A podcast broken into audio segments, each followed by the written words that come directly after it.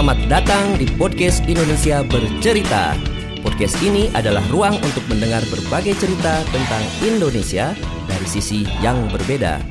Cerita ini adalah rangkaian yang saya himpun selama melakukan perjalanan keliling Indonesia dari Sabang sampai Merauke, dari Miangas sampai Rote. Selama perjalanan, saya bertemu dengan banyak orang biasa yang mengisi Indonesia dengan cara luar biasa. Selamat mendengar kisah podcast Indonesia Bercerita bersama saya Ahmad Yunus.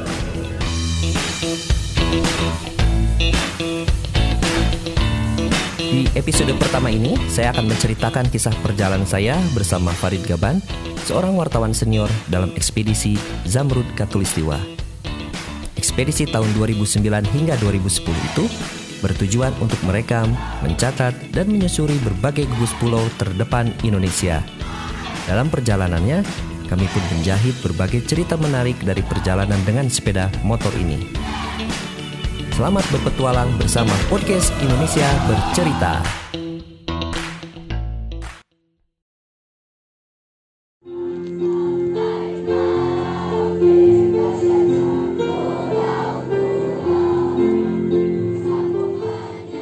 Inilah salah satu lagu nasional yang biasanya saya dengar dan nyanyikan saat duduk di bangku sekolah. Lagu ini membangkitkan imajinasi bagi saya betapa luas dan besarnya negeri kita. Dari Sabang sampai Merauke, dari Miangas hingga Rote.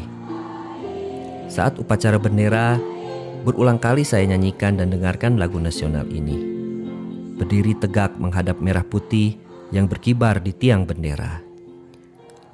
Kalimat ini begitu menancap kuat di kepala. Sabang, Merauke, Miangas, Rote adalah deretan nama asing yang tak saya kenal.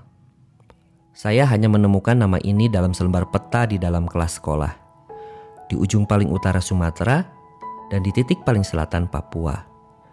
Begitu jauh dari tempat saya tinggal di Bandung. Imajinasi Indonesia memang tak pernah saya bayangkan sebelumnya. Saya hanya mengenal kampung halaman sendiri, Bandung, kota kembang, kota di kaki gunung Tangkuban Parahu, Jawa Barat. Saat dewasa, kelak saya menjadi jurnalis. Saya pun mulai berkesempatan menjelajah ke berbagai daerah Indonesia. Bukan sebagai seorang wisatawan tentunya, tapi sebagai wartawan yang bertugas meliput kisah-kisah menarik dari lapangan. Dan Ende, salah satu kota kecil di Flores, Nusa Tenggara Timur, tempat di mana saya membuka pintu Indonesia dan melangkah lebih jauh, lebih rekat menyusuri jalanan Indonesia.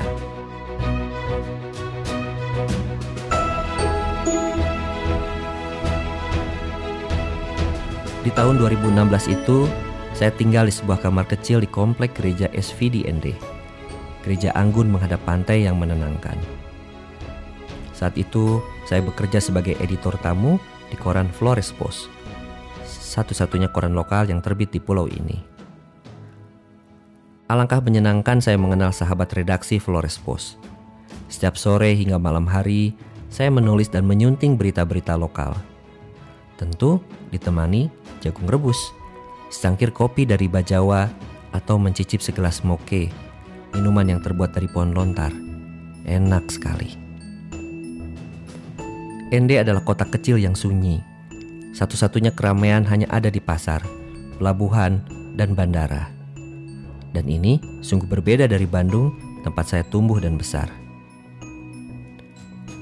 Namun sebenarnya Ende dan Bandung ternyata punya ikatan sejarah yang kuat. Salah satunya kisah pengasingan Soekarno, presiden kita yang pertama. Soekarno membacakan pledoi saat menghadapi hakim di pengadilan Landrat Pledoi ini dikenal dengan Indonesia Menggugat. Saat itu, Soekarno muda dinyatakan bersalah karena sikap kritisnya terhadap Belanda. Rupanya, kritik memang tidak disukai pemerintahan yang korup dan menindas. Soekarno pun menjalani hukuman penjara pertama di Bandung dan kemudian ia dipindahkan dan diasingkan ke ND. Dan saya baru tahu, rumah pengasingan Soekarno ternyata tak jauh dari tempat kos saya. Saya cukup berjalan kaki beberapa blok saja untuk mengunjungi tempat bersejarah ini. Masa pengasingan Soekarno berlangsung pada tahun 1934 hingga 1938. Soekarno tak sendirian, ia juga membawa keluarganya.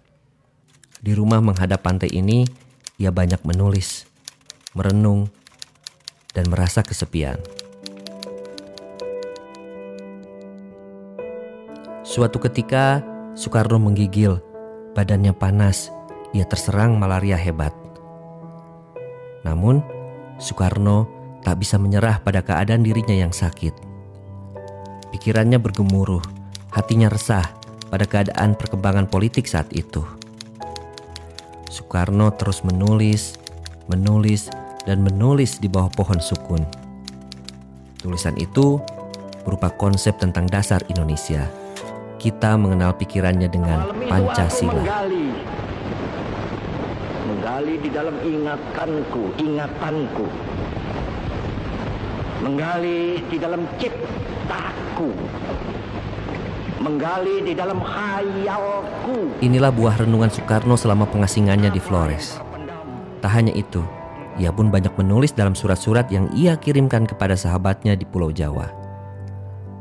Surat-surat dari Ende adalah sekumpulan kisah hidupnya yang menarik. Catatan selama di Ende bisa kita baca dalam buku yang sangat tebal, judulnya Di Bawah Bendera Revolusi. Dan benar kata Soekarno, jangan sekali-kali melupakan sejarah. Dalam surat-suratnya itu, ia menulis tentang pentingnya toleransi, merawat keberagaman, hingga masalah pendidikan agar bangsa ini terbebas dari kebodohan. Membaca lembaran surat Soekarno mengingatkan kembali pada saya bahwa Indonesia dibangun akan keragaman budaya, bahasa, hingga perbedaan keyakinan agama. Ini semua untuk Indonesia. Dan merawat keberagaman artinya perdamaian. Itulah hakikat Pancasila. Flores memang kaya akan nilai kehidupan, bukan hanya tentang kisah Soekarno, keindahan Danau Kelimutu, atau moke untuk merayakan kebahagiaan. Bagi saya, Flores menjadi halaman kampung kedua saya. Ada sepucuk kangen yang tertinggal di pulau Nusa Bunga itu.